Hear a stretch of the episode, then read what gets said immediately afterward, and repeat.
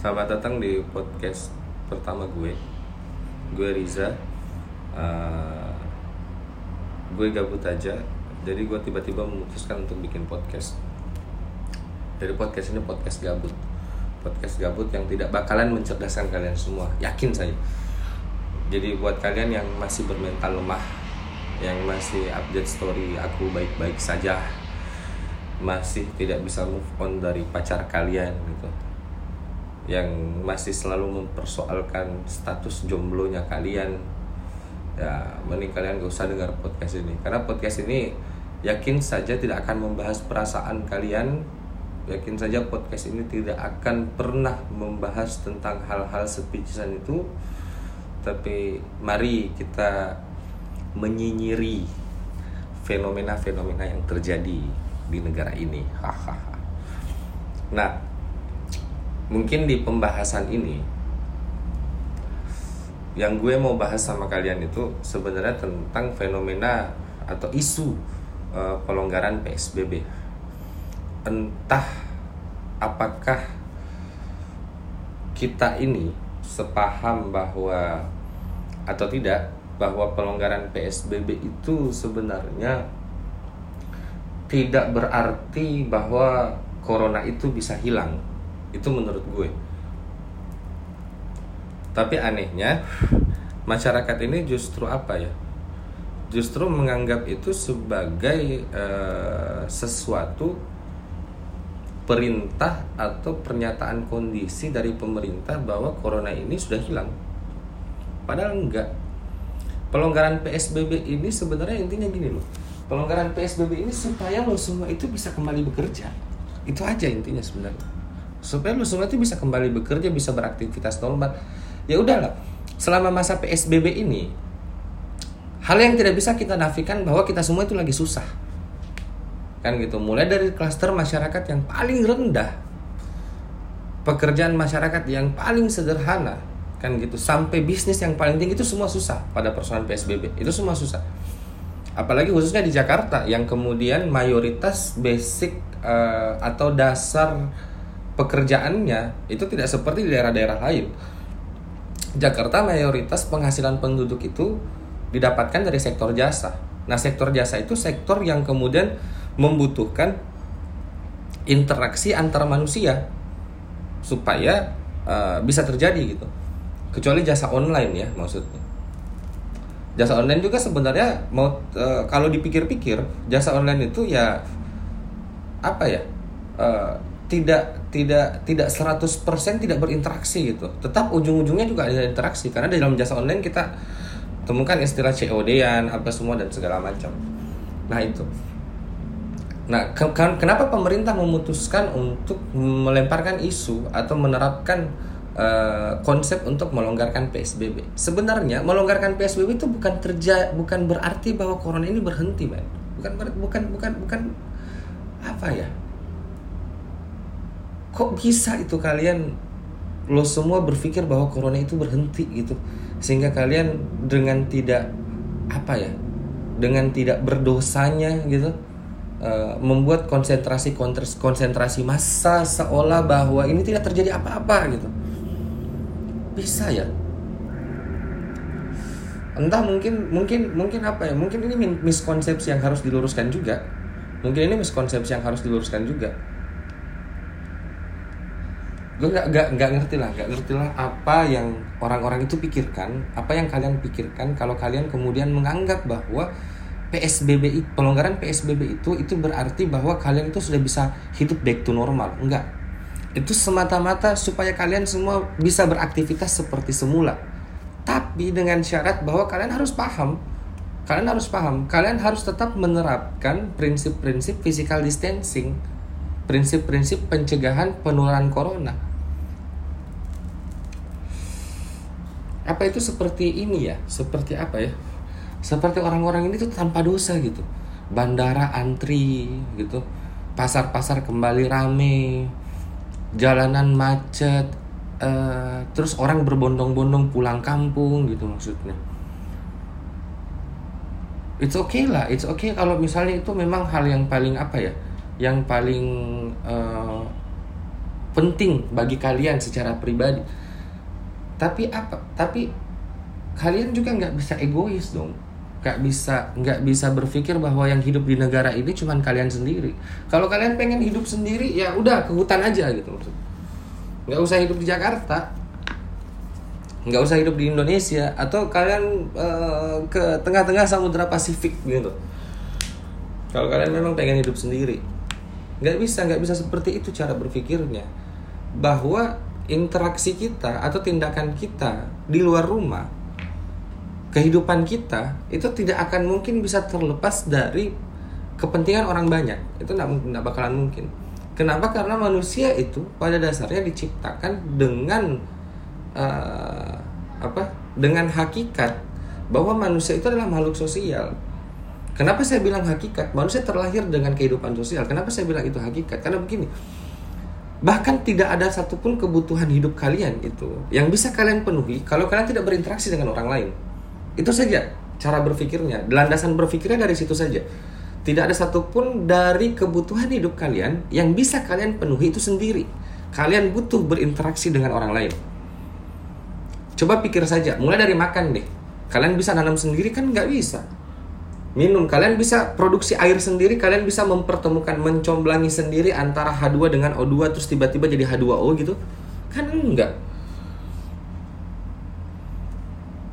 Apalagi kalau urusan sudah urusan perut ke bawah ya aduh nggak mungkin lah. Nggak mungkin sendiri gitu. nggak mungkin sendiri.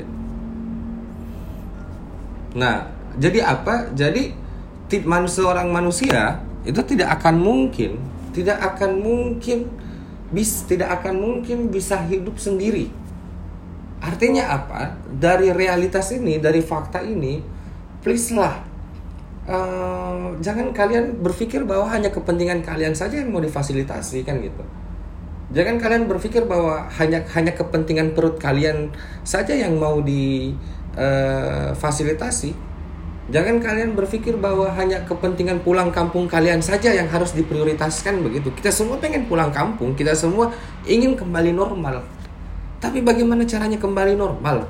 Kalau ternyata apa apa apa yang dilakukan oleh Eh, orang-orang itu hanya hanya apa ya hanya berlomba-lomba untuk memenuhi kebutuhan pribadi masing-masing gitu maksudnya cemen banget menurut gue sih cemen jujur aja cemen banget lah. Maksudnya uh, sangat-sangat apa ya? Sangat-sangat egois begitu maksud gue bahkan apa ya? Bah bahkan bahkan sebuah hubungan pun kalau misalnya kalian itu punya pacar kan gitu. Nggak ada sebuah hubungan mau itu pacaran pernikahan apa yang akan berjalan dengan baik. Kalau kalian sama-sama egois nggak ada nggak bisa tapi ini nggak bisa dimengerti oleh kalian yang belum punya pasangan ya kalian yang masih jomblo kalian harus uh, cari pasangan dulu baru bisa mengerti bahwa oh ternyata memang seperti itu nah pelonggaran PSBB Sederhananya seperti itu. Sederhananya bahwa pelonggaran PSBB itu supaya kita semua itu bisa bekerja, tapi tidak berarti bahwa coronanya hilang. Tidak berarti bahwa virus ini hilang. Jadi jangan sekali-sekali berpikir bahwa oleh uh, pemerintah melonggarkan PSBB berarti kita sudah berada di titik nol, kita sudah sembuh, tidak ada case lagi dan segala macam. Tidak. Ini yang kalian harus pahami. Ini yang kita semua harus pahami. Bah bahkan kita semua tuh harus sadar kenapa pemerintah tidak mengambil opsi lockdown seperti negara-negara lain. Nggak bisa, kita nggak bisa lockdown, kita nggak bisa lockdown total. Kalau kita lockdown total, Indonesia ada klaster masyarakat yang akan mati. Kan begitu. Asumsi sederhananya begini. Di negara lain mungkin tingkat kesejahteraannya beda di Indonesia. Tingkat kesejahteraannya beda dengan di Indonesia. Di Indonesia tingkat kesejahteraannya bahwa kita harus sadar bahwa ada orang yang bahkan uh, hanya hidup dari duit 10 ribu per hari misalnya dia bisa hidup dari duit 10 ribu per hari kan gitu pembayarannya harian. Harian bahkan 10 ribu per hari itu masih bisa hidup gitu. Ada yang bergantung hidup dari situ.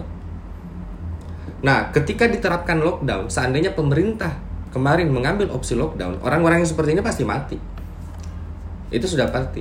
100% mereka mati.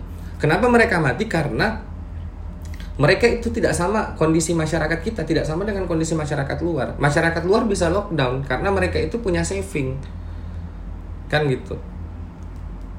Upah dari pekerjaan mereka itu upah dari pekerjaan mereka itu bisa uh, menghidupi mereka ketika mereka tidak beraktivitas selama 2 atau tiga bulan. Sedangkan Indonesia tidak. Indonesia masih ada buruh harian. Masih ada pekerja harian yang bergantung dari aktivitas harian. Kan gitu. Yang ketika satu hari saja mereka tidak bekerja, mereka akan kelaparan. Makanya pemerintah tidak akan pernah mengambil opsi lockdown. Opsinya yaitu PSBB. Pembatasan sosial berskala besar. Tetap beraktivitas tapi ada aktivitas-aktivitas yang kemudian dibatasi gitu. Ada aktivitas-aktivitas yang dibatasi. Nah, ini saja PSBB ini saja menimbulkan banyak apa ya? banyak bacot menurut gue bacot banget udahlah kalau misalnya begini kalau kalian tidak mengerti tentang bagaimana konsep negara ini secara keseluruhan. Kan gitu. Kalau kalian tidak tahu tentang bagaimana sistem-sistem negara ini dijalankan secara keseluruhan atau kalau kalian bukan presiden udahlah nggak usah banyak bacot lah. Karena yakin saja bahwa yang merusak masyarakat ini sebenarnya adalah orang-orang bodoh yang berstatement. Ya gue harus ngomong ini dong maksudnya. Gue harus ngomong ini dong. Bahwa yang merusak masyarakat kita itu adalah orang-orang bodoh yang berstatement yang merusak masyarakat kita itu karena banyaknya orang-orang yang sok tahu gitu maksudnya. Dia sebenarnya nggak tahu maksudnya dia sebenarnya bahkan tidak ngerti virus corona itu apa gitu maksudnya. Tapi tetap aja menyebarkan berita menyebarkan pendapat menyebarkan apa dan segala macam. Artinya akhirnya apa? Kebodohan itu menular. Maksud gue gini loh. Ya kebutuhan itu gratis men. Kebutuhan itu gratis. Tapi lu jangan download semua juga maksudnya kebutuhan itu memang gratis tapi lu jangan download semua juga. Hiduplah sesuai dengan porsi intelektualmu. Kalau misalnya level lu ada masih kelas 1 SD jangan sekali-sekali menanggapi pelajaran statistik yang dipelajari di SMA karena lu nggak paham gitu maksudnya. Sama dengan ketika tenaga medis, maksudnya lu lu lu bayangin aja semuanya maksudnya. Ketika tenaga medis kita kemarin ngomong bahwa please stay at home, please tinggal di rumah gitu. Please dengan sangat gue mohon kepada kalian semua tinggal di, tinggal di rumah. Masyarakat kita responnya apa? Gak ada yang denger loh, bayangkan. Ini ini udah tenaga medis yang ngomong. Ini udah tenaga medis yang ngomong. Yang ada masyarakat kita responnya apa? Responnya bacot malah mempermasalahkan itu. Kenapa saya harus tinggal di rumah? Saya bagaimana dan segala macam dan segala macam. Men bukan hanya lo sendiri yang masalah susah yang bisa susah. Bukan hanya lo sendiri yang ngerasain susah maksud gue bukan hanya bukan hanya kalian semua yang merasakan susah di negeri ini kalau psbb semua bisnis mulai dari bisnis yang paling kroco sampai bisnis yang paling besar mulai usaha yang paling sederhana sampai usaha yang paling kompleks itu pasti merasakan kesusahan karena psbb ini dan sekarang isu pelonggaran PSBB ini kenapa? Karena memang PSBB ini telah menciptakan satu dilema besar bagi kita semua. Kita harus memilih, pemerintah harus mengambil tindakan. Memilih apakah memilih tetap beraktivitas seperti biasa, kan gitu. Beraktivitas seperti biasa atau tetap menjalankan PSBB dengan risiko bahwa ketika PSBB ini tetap diperpanjang, entah sampai kapan ekonomi akan hancur, masyarakat akan mati kelaparan. Sudahlah kan gitu. Makanya keluarlah jalan ketiga jalan tengah. Keluarlah jalan tengahnya. Jalan tengahnya yaitu kemudian pelonggaran PSBB artinya apa? PSBB-nya tidak hilang kan gitu. Silahkan beraktivitas normal kembali supaya kalian bisa cari makan dan segala macam. Tapi please tolong tetap hargai physical distancing. Itu akan selalu itu itu, kemudian akan kembali ke kesadaran kita masing-masing. Bahwa apakah kita sadar bahwa apa ya sebenarnya uh, yang menentukan virus itu tersebar atau tidak sebenarnya kita kita sebagai carrier kita kita manusianya sebagai carrier kan gitu. Yang menentukan apakah virus itu tersebar atau tidak ya manusianya. Apakah manusia itu memilih menjadi carrier atau tidak?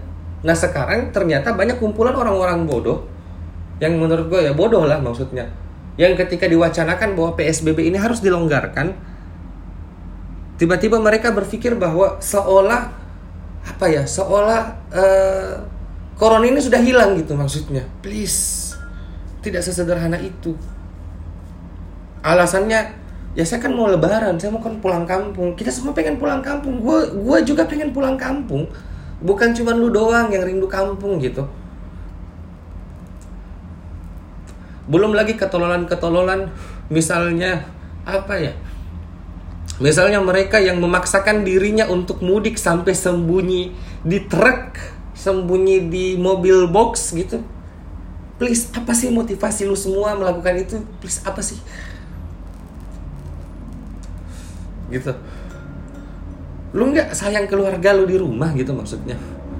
Emang lu bisa jamin bahwa uh, ketika lu datang dari Jakarta ke kampung emang lu semua bisa jamin bahwa lu dalam keadaan sehat? Oke lah lu bisa bilang bahwa ya kan gue punya hasil rapid test. Men rapid test itu tidak menyatakan bahwa di tubuh lu itu ada atau tidak ada corona. Atau ada atau tidak ada virusnya. Rapid test tidak menjelaskan itu. Rapid test hanya mengukur bahwa apakah tubuh lu itu patut dicurigai sedang terinfeksi virus atau tidak. Patut dicurigai ya. Makanya setiap hasil rapid rapid test, setiap hasil rapid test itu pasti akan direkomendasikan untuk melakukan swab test. Pasti. Di swab test itu ditentukan gitu. Tapi lihat aja waktu isu pelonggaran PSBB ini diterapkan diwacanakan waduh gue tuh sampai berpikir waduh gila sih nih bandara bandara itu macet bandara itu antrinya ya Allah. Antri sampai keluar keluar loh. Bayangkan. Sampai seolah-olah bahwa mereka itu adalah orang yang tidak berdosa yang tidak ber, yang yang yang berpikir bahwa uh, tidak ada pandemi gitu maksudnya. Kok bisa sorry men gue agak emosional ya. Bukan emosional sebenarnya. Cuman apa ya? Cuman kesel aja gitu maksudnya. Mikir nggak sih? Maksudnya kak mikir nggak sih bahwa uh, kita itu adalah orang-orang yang berpotensi menjadi penyebar terhadap orang-orang yang lain. Gue pikir itu kampanye-kampanye yang kemu yang awal-awalnya tersebar tentang bagaimana cara menghentikan misalnya dan segala macam. Itu sudah kampanye-kampanye yang paling baik lah. Kampanye-kampanye yang paling sederhana dimengerti gitu. Lu nggak usah berpikir pakai apa ya lu nggak usah uh, berpikir pakai logika yang kompleks sudahlah. Modal cukup lu membaca bisa membaca aja pasti lu sudah bisa mengerti gitu. Bagaimana bagaimana bagaimana posisi orang-orang bahwa yang menentukan tersebar atau tidaknya virus corona ini yang menentukan itu adalah manusianya. Apakah manusianya kemudian melanggar uh, prinsip-prinsip physical distancing atau tidak? Tapi itulah karena terlalu banyak orang soto ya gitu maksudnya.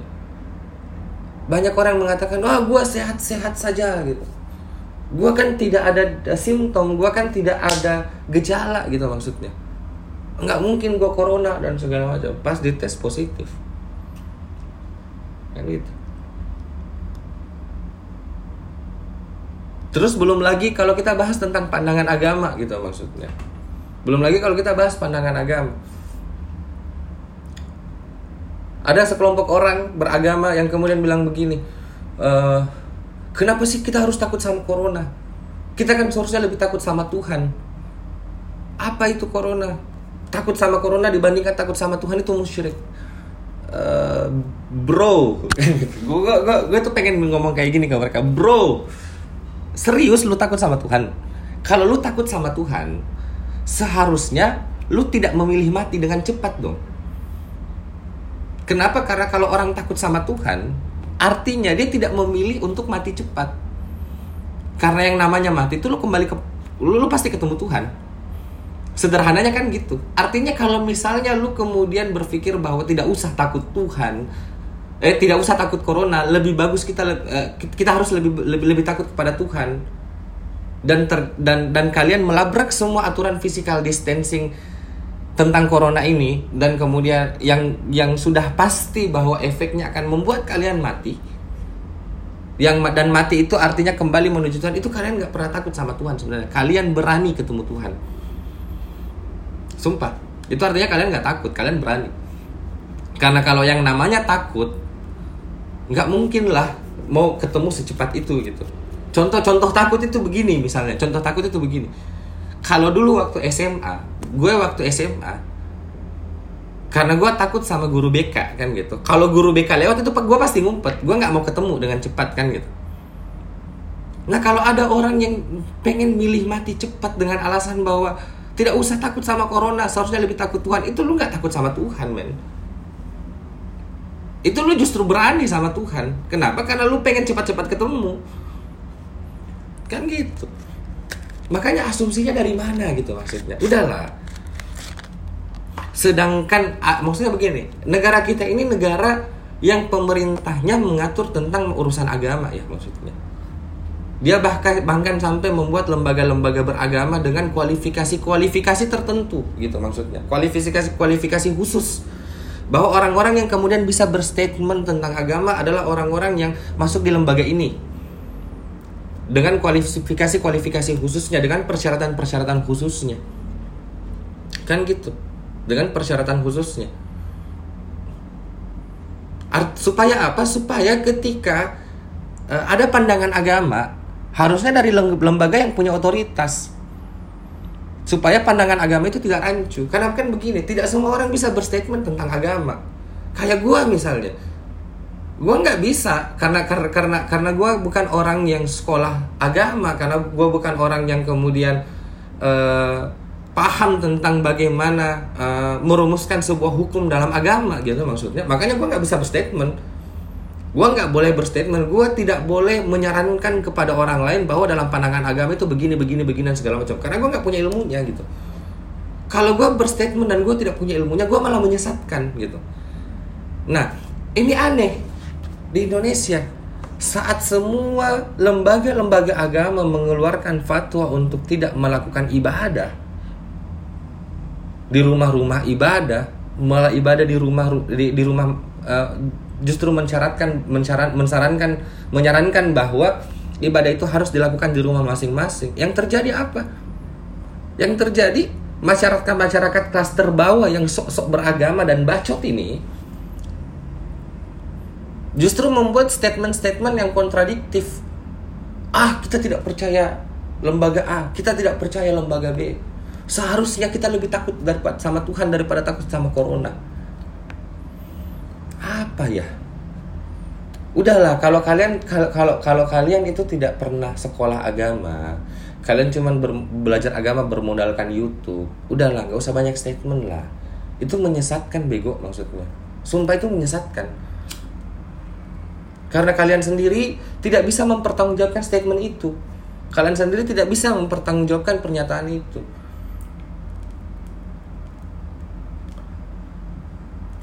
Tidak ada salahnya di momen ini tuh kita mengikuti pemerintah itu tidak ada salahnya. Urusan apakah pemerintah itu salah atau tidak salah kan gitu itu urusan nanti. Jadi kritiknya nanti aja. Gak bisa sekarang. Ini ilustrasinya seperti ini. Kita semua berada dalam sebuah kapal. Kapal itu pengen tenggelam. Sekarang yang kita lakukan apa? Bacotin nahkodanya. Nggak nggak ngaruh. Airnya airnya tetap saja masuk bocornya tidak tertambal. Kan gitu. Kapal tetap tenggelam. Lu mau bacotin nahkodanya sampai nahkodanya juga diganti nggak ada nggak menyelesaikan masalah. Kan gitu. Nah dalam kondisi itu sekarang Indonesia itu dalam kondisi ini sekarang. Lu mau bacotin presiden lu mau bacotin pemerintah nggak bis nggak nggak nggak nggak bakalan bisa memberikan solusi terhadap penyebaran virus. Kan gitu nggak ada nggak bakalan bisa menyebar menjadi menje, memberikan solusi terhadap penyebaran virus. Biarpun presiden Jokowi diganti dengan lo semua kan gitu. Ingat ya biarpun presiden biar biarpun lo semua yang jadi presiden kan gitu. Emang virusnya bisa berhenti? Kan enggak jadi buat apa ngebacotin itu? Mending sekarang sama-sama berpikir apa langkah terbaik langkah terbaik untuk mencegah penularan ini kan gitu karena begini kalau kalian semua pusing atau kalian semua merasa bermasalah merasa kehidupan lu merasa susah gara-gara PSBB, yakin saja bahwa bukan lu bukan lu sendiri yang merasakan itu. Semua orang merasakan itu. Yakin saja bukan bukan lo sendiri yang merasakan itu, tapi semua orang merasakan itu. Nah, sekarang pertanyaannya apa? Bagaimana cara baga, bagaimana cara supaya kita semua tidak merasakan susah?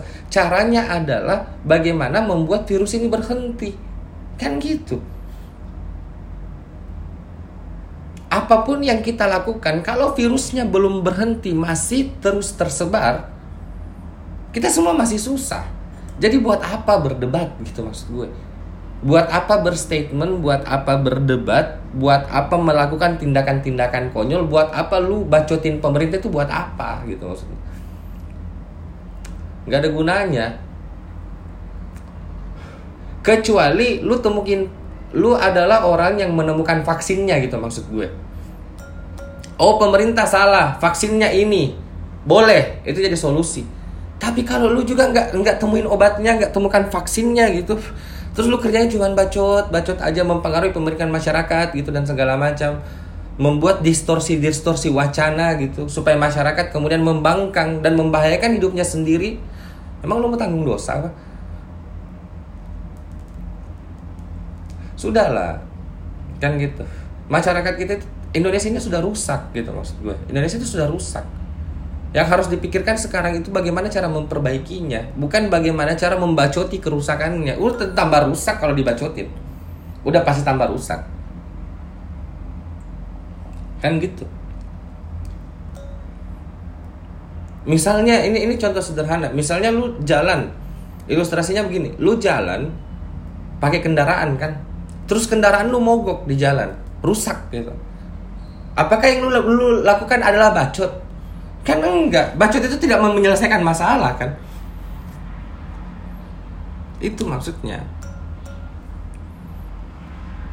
Nah, makanya gue tuh berpikir apa ya? Gitu berpikir aneh gitu maksudnya. Aneh, aneh.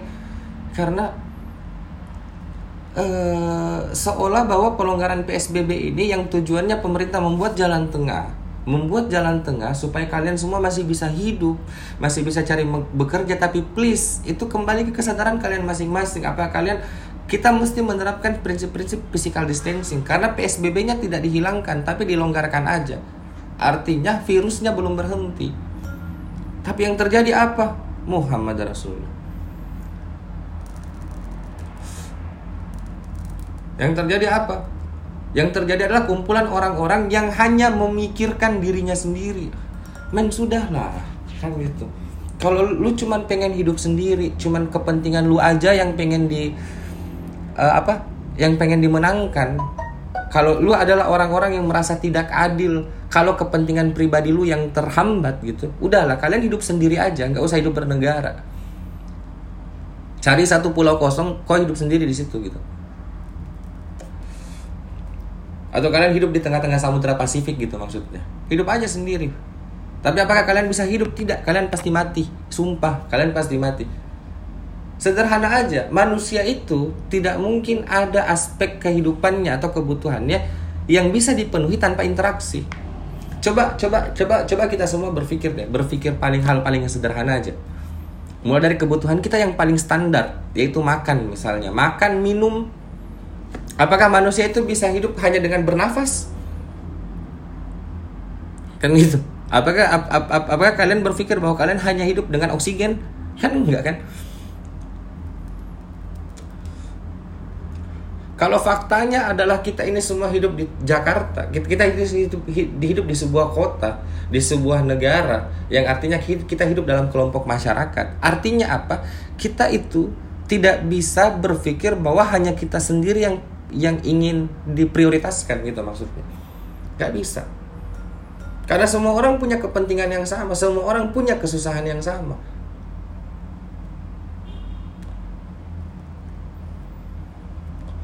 Jadi apa ya? Bukan bukan bukan sekali lagi gue pengen bilang bukan hanya kalian sendiri yang pengen pulang kampung semua orang pengen pulang kampung. Tapi pertanyaannya adalah kalian bisa jamin kalian bisa jamin meskipun tidak ada simptom bahwa kalian itu betul-betul bersih. Oke okay lah, mungkin dari rumah berangkat ke bandara, kalian bisa jamin bahwa kalian bersih. Tapi ketika kalian antri di bandara, kalian yakin bahwa kalian tidak tertular. Ketika kalian duduk di pesawat, kalian yakin bahwa kalian tidak tertular. Kan gak ada yang bisa jamin, men.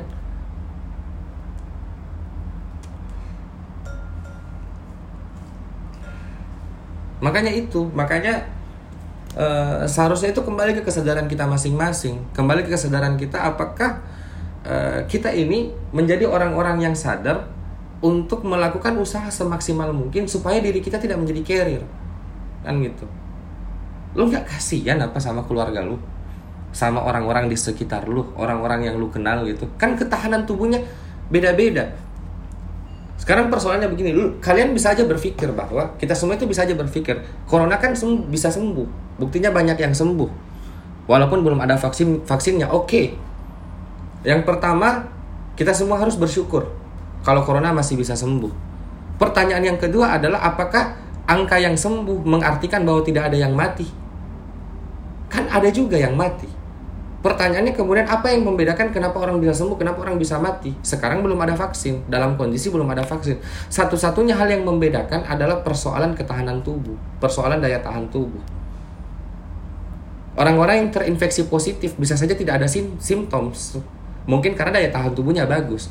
Pertanyaannya, kayak kalau daya tahan daya tahan tubuh kalian bagus, tapi kalian terinfeksi COVID misalnya, terinfeksi corona, positif corona, terus kalian kalian keluar rumah, ketemu sama orang lain.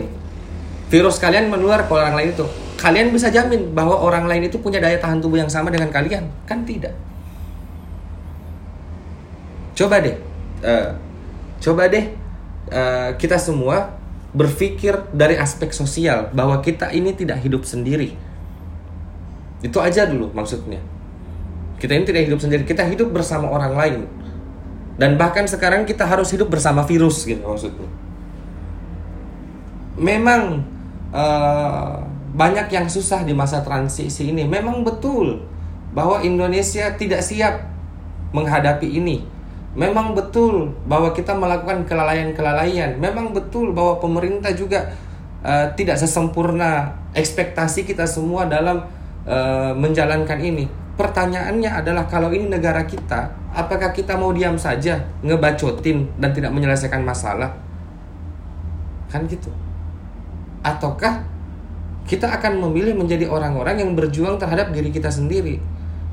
Kalau semua orang di Indonesia ini kemudian sadar bahwa dirinya potensi menjadi carrier, berpotensi untuk menyebarkan itu, dan kemudian melakukan apa ya, melakukan melakukan upaya pencegahan masing-masing ketika kita semua berpikir sama, ya kemungkinan virus ini bisa berhenti. Tapi kalau masih ada satu dua orang yang mempengaruhi orang lain, ah udahlah kita kan pengen pulang kampung apa semua segala macam bla bla bla bla bla, ya udahlah.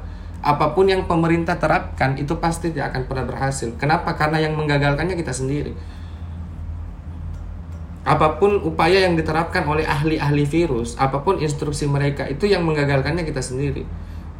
Jadi kalau misalnya nanti Indonesia tidak akan pernah keluar dari corona, siapa yang salah? Itu kita sendiri. Mungkin itu saja.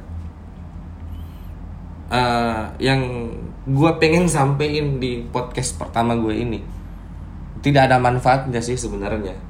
Jadi kalau kalian merasa bermanfaat silahkan disebarkan. Kalau kalian merasa tidak bermanfaat ya udah skip aja.